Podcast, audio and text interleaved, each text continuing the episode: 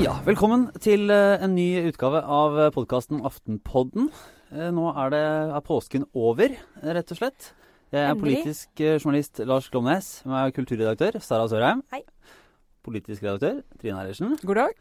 Hyggelig å se dere igjen. Har dere fått eh, sol og fjell og alt det som påsken skulle gi? Altfor lite. Men nok marsipan. Det veier opp for det meste. Eh, det er jo altså det er både mye og lite å ta for seg av eh, denne uka her. Uh, Idet vi kommer ut av dramatiske terrortider. eh, men litt mer eh, tafatte politiske tider. Men vi skal vel prate, prate litt om eh, terror, i hvert fall deler av det. Og så litt om norsk eh, skatt og arbeidsledighet. Før vi går, eh, går inn i landsmøtevåren, som nå ligger eh, foran oss. Eh, Men først, vi, eh, rent bortsett fra de faktiske hendelsene i, i Brussel og, og i Pakistan, så var vel det som ble den store snakkisen, og kanskje et bilde på den eh, noe moderne tid, var denne selfien som ble tatt av 26 år gamle Ben Innes fra, fra Liverpool, sammen med flykapreren på dette flyet fra Egypt Air på Kypros. Vi må snakke litt om den før vi kan komme oss videre med, med ukas andre saker. For det er jo en eh, Dette må da være et tidsbilde som blir stående. Altså, dette her er Sightguist eh, 2016. Mm. Jeg, jeg tenker sånn, Det må bare inn i leksikon når noen skal definere liksom hva Hvordan vil du beskrive 2016? Jo, dette bildet. Ja, og det er jo eh, Når han blir spurt om hvorfor han lot seg avbilde med en som Det var jo ikke avklart da om det var bomber i dette beltet som, eh, på, til denne flykaperen, som det viste seg jo at det ikke var. Men da sa han at hvis de nå var ekte og, det, og, det, og han sprengte i luften, så ville jo jeg røkke til uansett. Så det hadde ikke spilt noen rolle. Så han var litt sånn eh, Vi snakker jo om hva grad terroren skaper frykt og lammer oss og gjør oss eh, redde for å eh, leve livene våre. Men eh, både i reaksjonene etter eh, Brussel merker vi jo òg at eh, normaliteten kommer raskt, kanskje raskere tilbake enn det gjorde for en stund siden. Og vi begynner på en eller annen bisarr måte å venne oss til denne terroren. Og han, vår venn på selfien, viser jo også en eh, enorm egentlig forakt for frykt, Ja. må jeg si.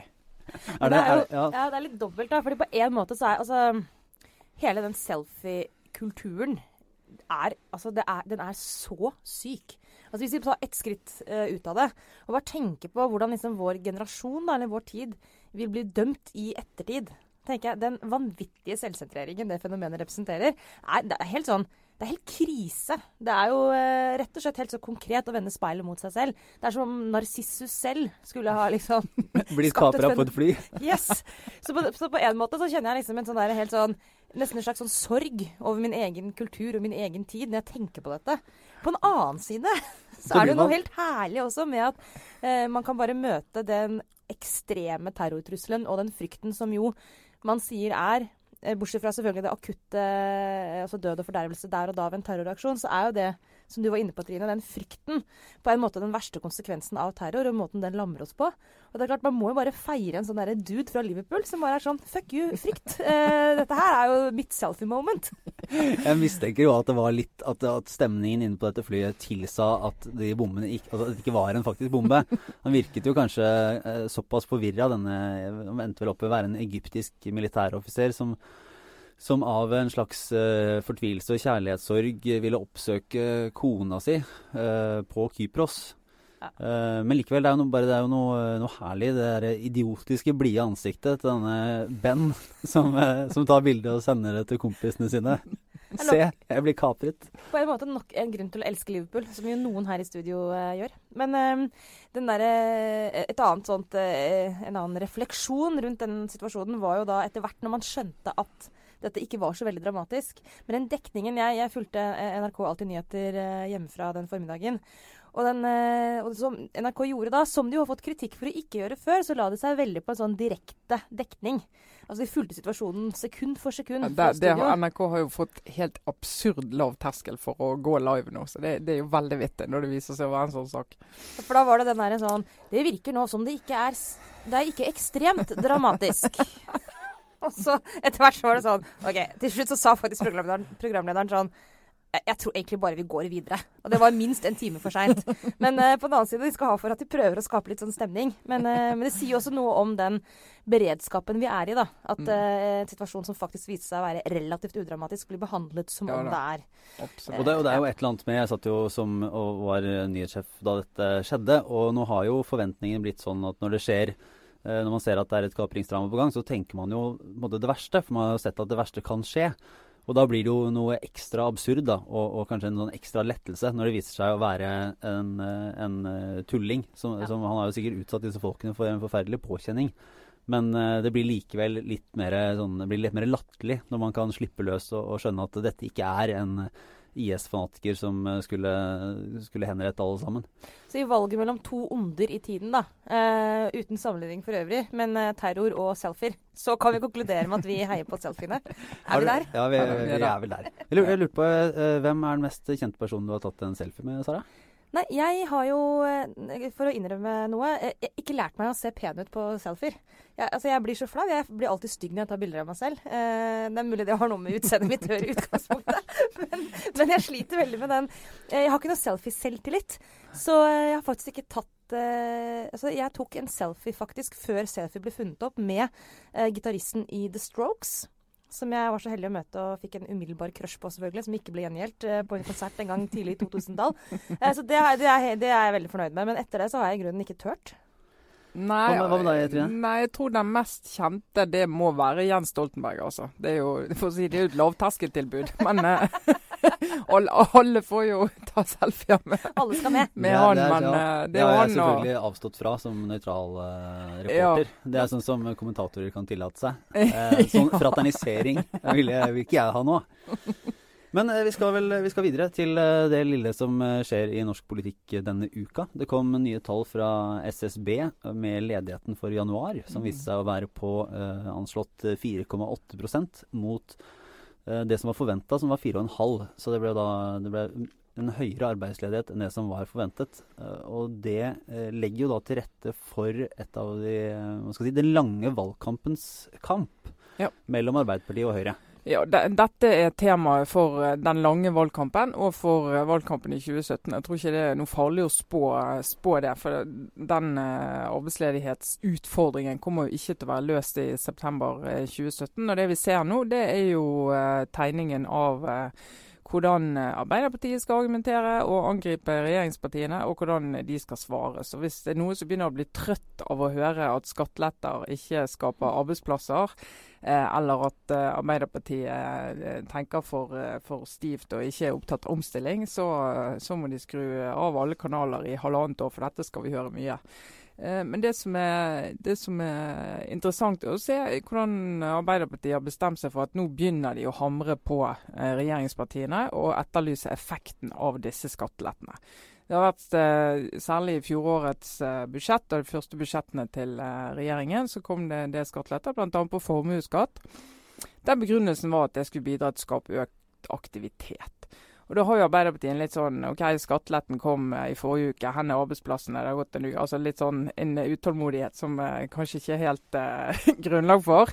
Eh, men som selvfølgelig politisk er veldig eh, nyttig å bruke. Og begynne å spørre de litt sånn hvor mange arbeidsplasser har dette skapt? Har det skapt 500? Har det skapt 5000? Har det skapt 50 000? Har dere ingen svar? Og det skaper jo en litt sånn Ja, det er jo, det er jo regjeringens utfordring å fordi de klarer jo heller ikke å, å kontre dette med noe annet enn dere må vente og se, eller dere skjønner ikke Absolutt. effektene. Og Derfor så kommer dette til å bli en utfordring eh, for, eh, for regjeringen. Og så å prøve å, å begrunne at ja, men vi kan ikke si krone for krone hvor mye arbeidsplasser det blir.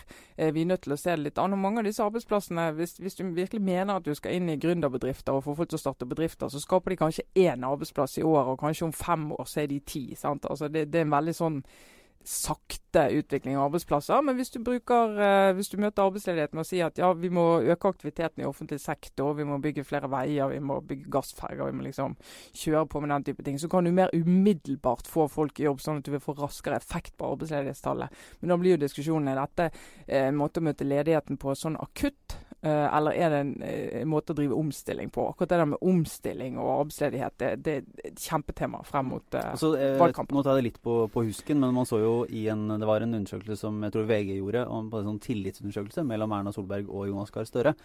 Der hvor eh, Solberg lå godt an på statsministertillit, altså hvem er best skikka til å være statsminister.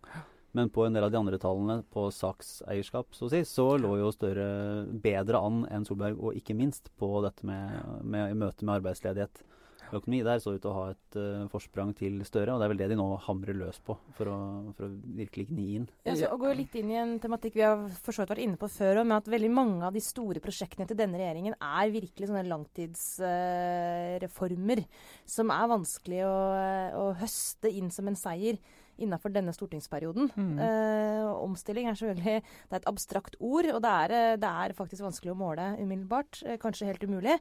Eh, men det jeg også lurer på, er jo om denne økningen i arbeidsledighet vi ser nå, er den mulig å regulere politisk, eller er det eh, bare et sånt resultat av uh, makrotendenser som man ikke egentlig er i stand til å styre? Altså Kunne man, kunne man gjort noe annerledes? Jeg, tror, eller, jeg, jeg merker meg i hvert fall at Arbeiderpartiet er ganske forsiktig med å skylde arbeidsledigheten på regjeringen. Uh, og Hvis du går inn i tall og ser at det er Sør-Vestlandet Eh, det er oljebransje, oljenæringen. Det er eh, Veldig mye av økningen skjer jo i den regionen, mens i andre deler av landet er det jo helt stabilt. Mm.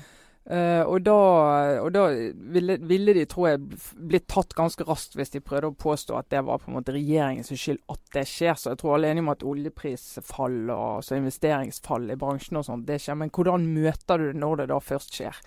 Uh, skal du da ha is i magen og si at en del av disse folkene må faktisk flytte? For å få seg ny jobb. Eh, de er nødt til å finne en annen utdanning for å få seg ny jobb, eh, som også da vil være en omstilling. Eller skal du si at vi, vi trenger den kompetansen der han er, så vi må, liksom, vi må utvide permitteringsregler. og Vi er nødt til å prøve å holde de i gang, så de ikke mister den erfaringen og kompetansen de har, for vi vil trenge det om en stund. Dette er jo diskusjonen på metodene. Uh, men altså nå, når ledighetstallet øker, så har Arbeiderpartiet et godt momentum for å komme inn og si her skjer det for lite. Men tror du, eh, Det er jo ingen tvil om at Arbeiderpartiet i hvert fall per i dag har lyst til å holde dette som det store temaet inn i valgkampen 2017. Mm. Men tror du Høyre vil gå med på det, eller vil de klare å og vri det over på noe annet? Altså, eh, Erna Solberg har jo sagt at den aller viktigste jobben, jobb nummer én, er å skape nye arbeidsplasser. Eh, både for å møte økende ledighet og omstillingsbehov i Norge sånn som vi kjenner det nå, pluss å, å ta imot eh, asylstrømmen på en fornuftig måte. Eh, det må løses med arbeidsplasser. Eh, så hun sier jo det, og hun legger jo hodet på blokken egentlig og sier det at dette er det vi skal få til. Det er det aller viktigste vi skal få til. Så det er utfordringen for Erna Solberg og for Høyre eh, og regjeringen det er jo på en måte konkretisere og sannsynliggjøre at det faktisk skjer. Og akkurat der er de litt på defensiven nå. Eh, og Hvis ikke de kommer mer på offensiven og klarer å vise til konkrete eksempler frem mot valget, så tror jeg det blir en veldig veldig tøff eh, sak for dem. Eh, sammen med alle disse svære reformene og ting som du ser effekt av. Eh, når uh, mine barn ga meg pensjon, holdt jeg på å si, som ikke er så lett å, å vinne valg på. da. Men hvis vi, nå kan, vi kan jo gå, gå, videre til det som nå snart står for døren. Eh, den landsmøtesesongen. Vi, ja, sesong og sesong da, Lars. Eller, ja. ja. Kan man kalle det en landsmøtesesong, egentlig? Er mer en sånn landsmøtelanghelg. Ja. ja. si, hvis, eh, hvis, i valgår så er landsmøtesesongen en sånn Premier League-sesong. Eh, dette er definitivt eh, tippeligaen. Adeccoligaen, muligens. eh, men det er da noen som skal holde på, og, og som eh, vi snakket om så vidt i forkant her. Eh, denne podkasten ble jo startet i rent sånn engasjement over, over landsmøtesesongen i fjor, da det var mm. valgår. Mm. Og nå sitter vi da nesten et år etter Eh, og har vi noe å se fram til de helgene som kommer? Nei, altså for, si, for oss som har jobbet med landsmøter i hjelp meg, 15 år, eh, så er det jo mange fine vårhelger og maihelger og aprilhelger som, er, som har foregått inne i konferansesaler på eh, hoteller rundt om i Norges land. Eh, og Sånn var det i fjor. Eh, og Det er alltid spennende foran et valg. Og så har du disse partiene som på død og liv skal ha landsmøte i mellomvalgsår. Eh, jeg har synspunkt på akkurat det. Og det er meldt fint vær eh, i mange helger nå òg. Men eh, vi kommer, vi. Og det er jo da Høyre og Venstre. De driver jo med det, og Frp driver med det eh, i år. og de andre, de er på tur i helgen. Det, det, si, det, det er venta så lite action at, uh, at jeg fant det betimelig å, å bytte jobb.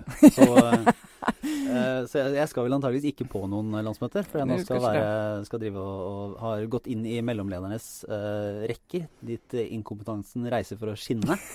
uh, og skal være såkalt nyhetsleder. Det var bare et spørsmål om Nyhetssjef skal du være, Lars. Nyhetssjef. Nyhetssjef. Han vet ikke, hva jobb han har fått engang. Nei, altså. nei, det er sånn er det. Så Hvis hvis man tenker seg at, at sjefsrekken er en sånn evolusjons...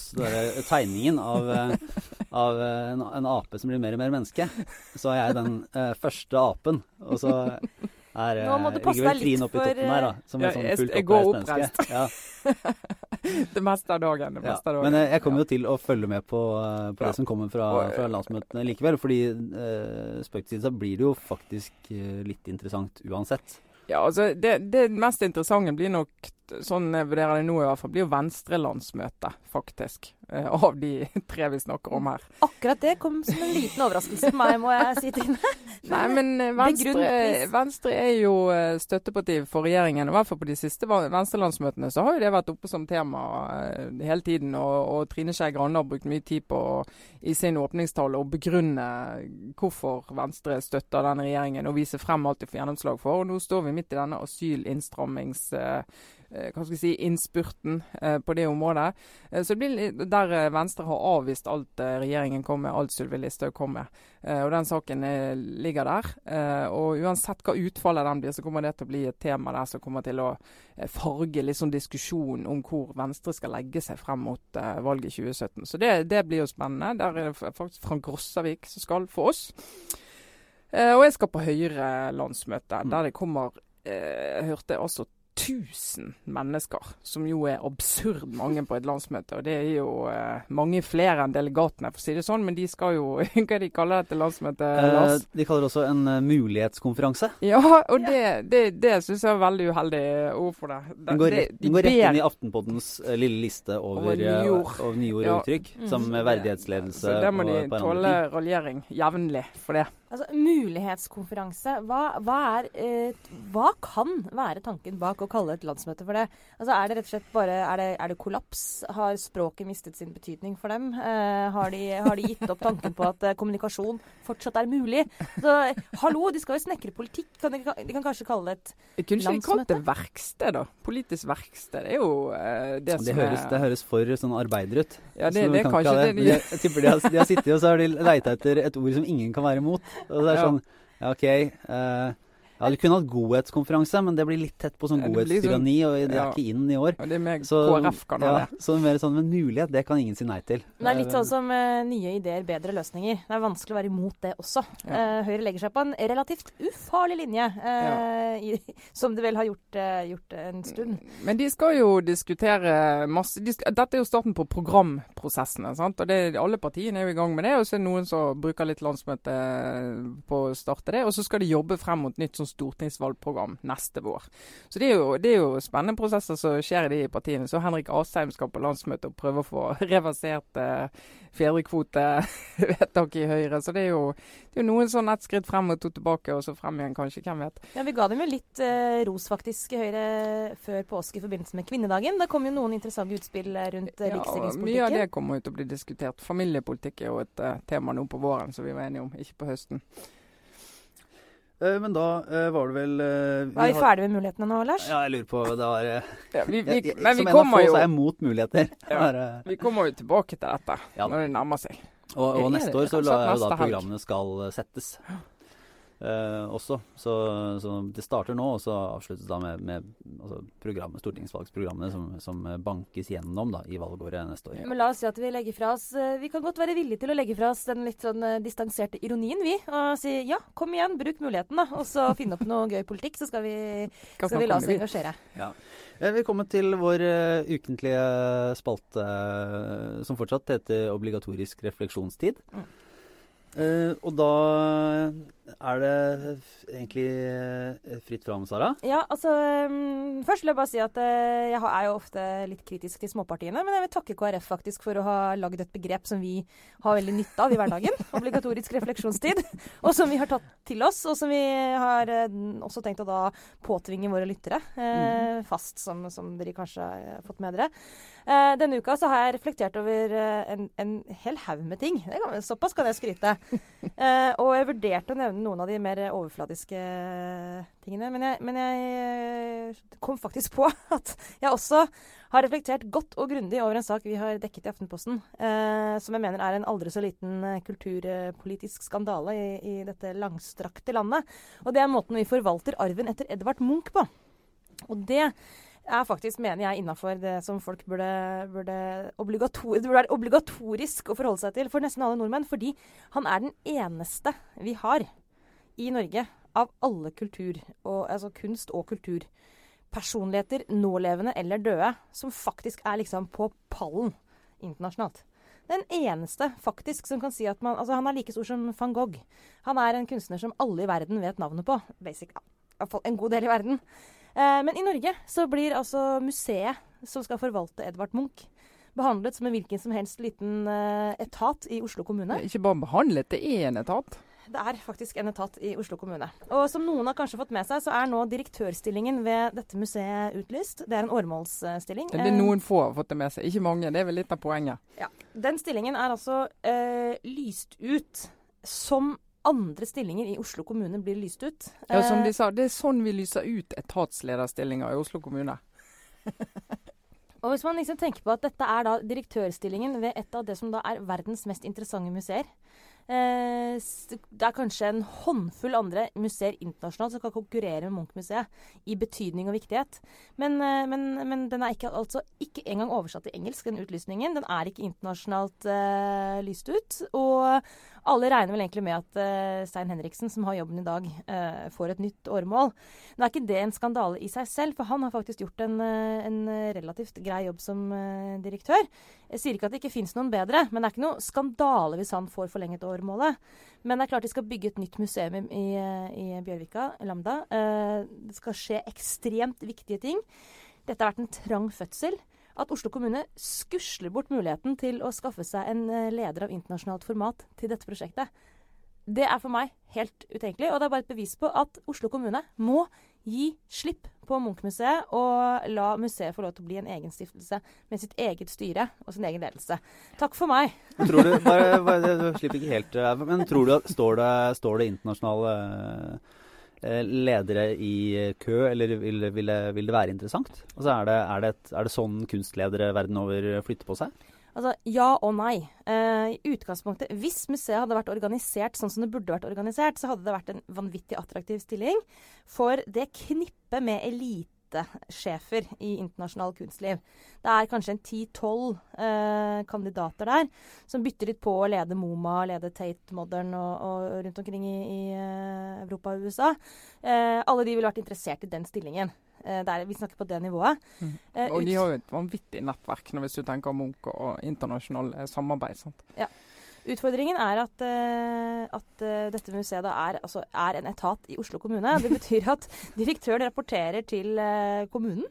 Og har en slags sånn omvendt pyramide over seg av sinnssykt mange byråkrater. Eh, nå er jo Munch-museet Det som skjedde, var at de fikk lov til å bli en egen etat. da, I motsetning til f.eks. Deichman, som ikke er det engang.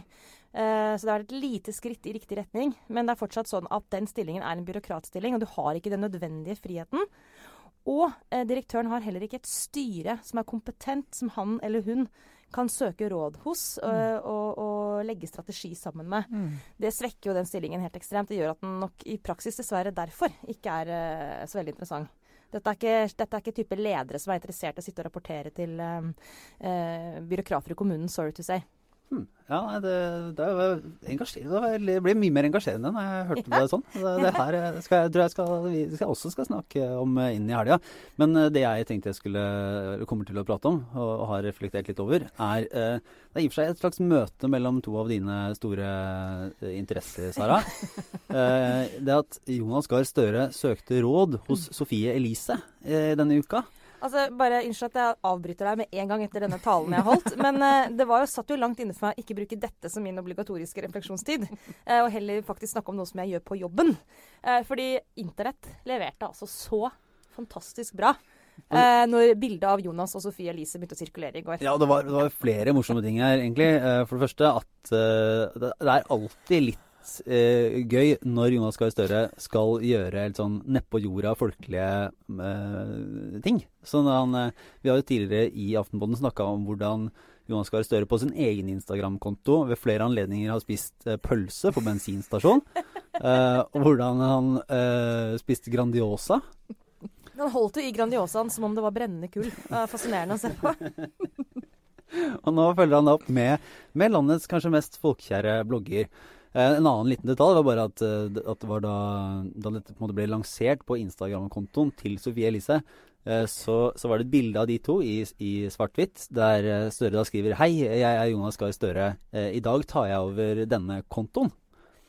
Og det var det første og siste bildet hele den dagen. Det kom ikke mer. Nei. Nei, fordi jeg, jeg tipp, og jeg tipper at Jonas tenker at en Instagram-konto, den Du tar vel ikke mer enn ett bilde om dagen? Eh, men uh, det, uh, Sofie Elise tar mer enn ett bilde om dagen. Så det er en det, altså, det ville nok uansett vært den kjedeligste dagen for Sofie Elises følgere den dagen Jonas tok over kontoen hennes. Det, det tror jeg dessverre. Ikke for å være kjip mot Jonas, men jeg tror ikke han ville levert på det samme nivået. Du han kunne vist fram sine svarte fritidssko Dagens outfit. fra Stockholm. Nettopp. Men at han liksom nøyde seg med ett bilde, det, var, det er nesten faktisk eh, tragikomisk. Eh, Ja, det var jo en mulighet for han da, til å nå et publikum han vanligvis ikke møter. Så det var jo en misbruk av mulighet. Da, vi må jo, altså, vi må jo jo- ta ja. det opp med hans rådgiver eh, Thomas Thomas Bromberg. Som eh, garantert var hjernen bak eh, den eh, strategien her. Han er jo en racer på Instagram. Eh, men, eh, men det kan vi må jo ta høyde for at det kan ha vært bilder der som var så, eh, så spennende eller så drøye eller så kjedelige at de har blitt slettet i etterkant. da. Eh, det, den muligheten skal vi holde åpen.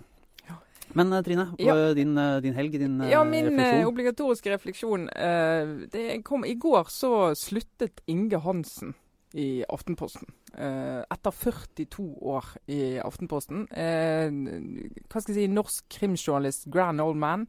Vi hadde en fantastisk eh, avslutning her i Aftenposten med masse forsvarsadvokater, riksadvokater, altså holdt veldig morsomme taler, det må jeg si. Det var den beste avslutningen jeg har vært med på noen gang, når noen har eh, sluttet i, Og det er ikke få.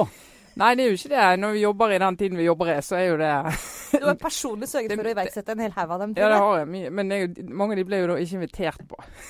Så det, det, det, det er sånn som henger med. Å ja, jeg blir ikke invitert. Ja. Men uh, Inge han eh, gir seg altså etter å ha sittet i retten i Han har dekket over 1000 saker. Uh, kommentert og vært rettskommentator. uh, sittet på første benk. Han har laget en uh, podkast der han sammen med Andreas Bakke får snakke seg gjennom en del av de sakene som har gjort stort inntrykk på han Den. Den fins faktisk på iTunes. Kan jeg reklamere litt for den? Eh, jeg, skal høre, jeg skal høre på den, og så skal jeg eh, tenke på den eh, rollen som Inge har. Eh, og det har jeg egentlig ikke tenkt godt nok over før i går, når både Riksadvokaten og de andre advokatene og flere snakket om det, at den rollen han har som en uavhengig da, person som sitter og følger disse rettssakene, som ikke er der med en agenda som alle de andre aktørene i den saken har, hvor viktig det er at vi har utviklet et sånt kommentatorgrep innenfor rettsdekningen som gjør at du kan forklare folk hva som skjer, hva det står om, hva som er springende punkt i store, viktige saker. Eh, og som eh, Inge sier, at eh, de sakene som har gjort størst inntrykk på han, det er saker som omhandler barn, misbruk og overgrep eh, mot barn. Og han sier hvis ikke vi skriver om det, hvis ikke sånn som vi forteller om det, så er disse barna helt alene. Og det, han har gjort en eh, stor jobb, Inge. Så. Men eh, bare for å sette deg litt på Hva skal jeg si, for å stille spørsmål nå. Når du har tenkt over dette, er det en rolle som du ser for deg at kommer til å bli eh, fylt i Aftenposten framover? Det er mange som kommer til å savne Inges eh, kommentarer. ja. Er det noen som kommer til å ta over og få den rollen? Ja, nå er det jo videre? mange som, sier at det er nok ingen som kan erstatte Inge på den måten han har vært. Men det er klart han begynte jo en gang, han òg. Eh, vi diskuterer eh, i disse dager hvordan vi skal løse det. Så vi har ikke landet ennå. Men det med å ha en som kan strafferett, som kan rettssystemet og gangen i det, som kommenterer store saker, det, det har stor verdi. Og ikke minst en som kan være lyttepost inn i det som jo egentlig er eh, en fantastisk side ved det norske rettssystemet, nemlig at rettssaker er åpne, stort sett. Eh, At hvem som helst kan komme og høre på. Det er en arena hvor du for, kan forstå eh, en av noen av de aller viktigste prosessene samfunnet vårt er bygget opp rundt. Det tror jeg ikke alle er klar over at man, at egentlig man kan gå inn dit. Men at uh, Inge på vegne av våre lesere sitter der, mm. Eh, det har vært en opplæring eh, som, som, og en del av vårt samfunnsansvar. Et ord som vi nok tar i munnen litt for ofte i festtalene våre. Men, men det er jo det som er drivkraften bak det vi holder på med. Mm.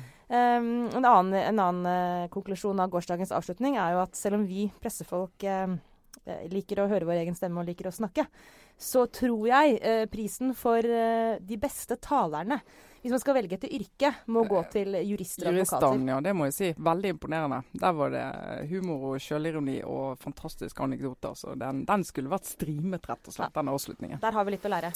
Jepp. Men uh, med det så får vi vel egentlig takke for oss for denne uken og hoppe videre. Uh, ting å gjøre, ting å få gjøre. Ja, gleder oss til mulighetskonferansen til Høyre. Eh, håper vi kommer tilbake med Hvis det er allerede, allerede neste helg. Det er allerede neste helg. Ja. Jeg skal uh, dit. Da gleder vi oss til å høre hvilke muligheter det har kommet over, rett og slett. Og da takker vi for oss. Sara Sørheim, Trine Eilertsen, jeg er Lars Glommes. Ha det bra.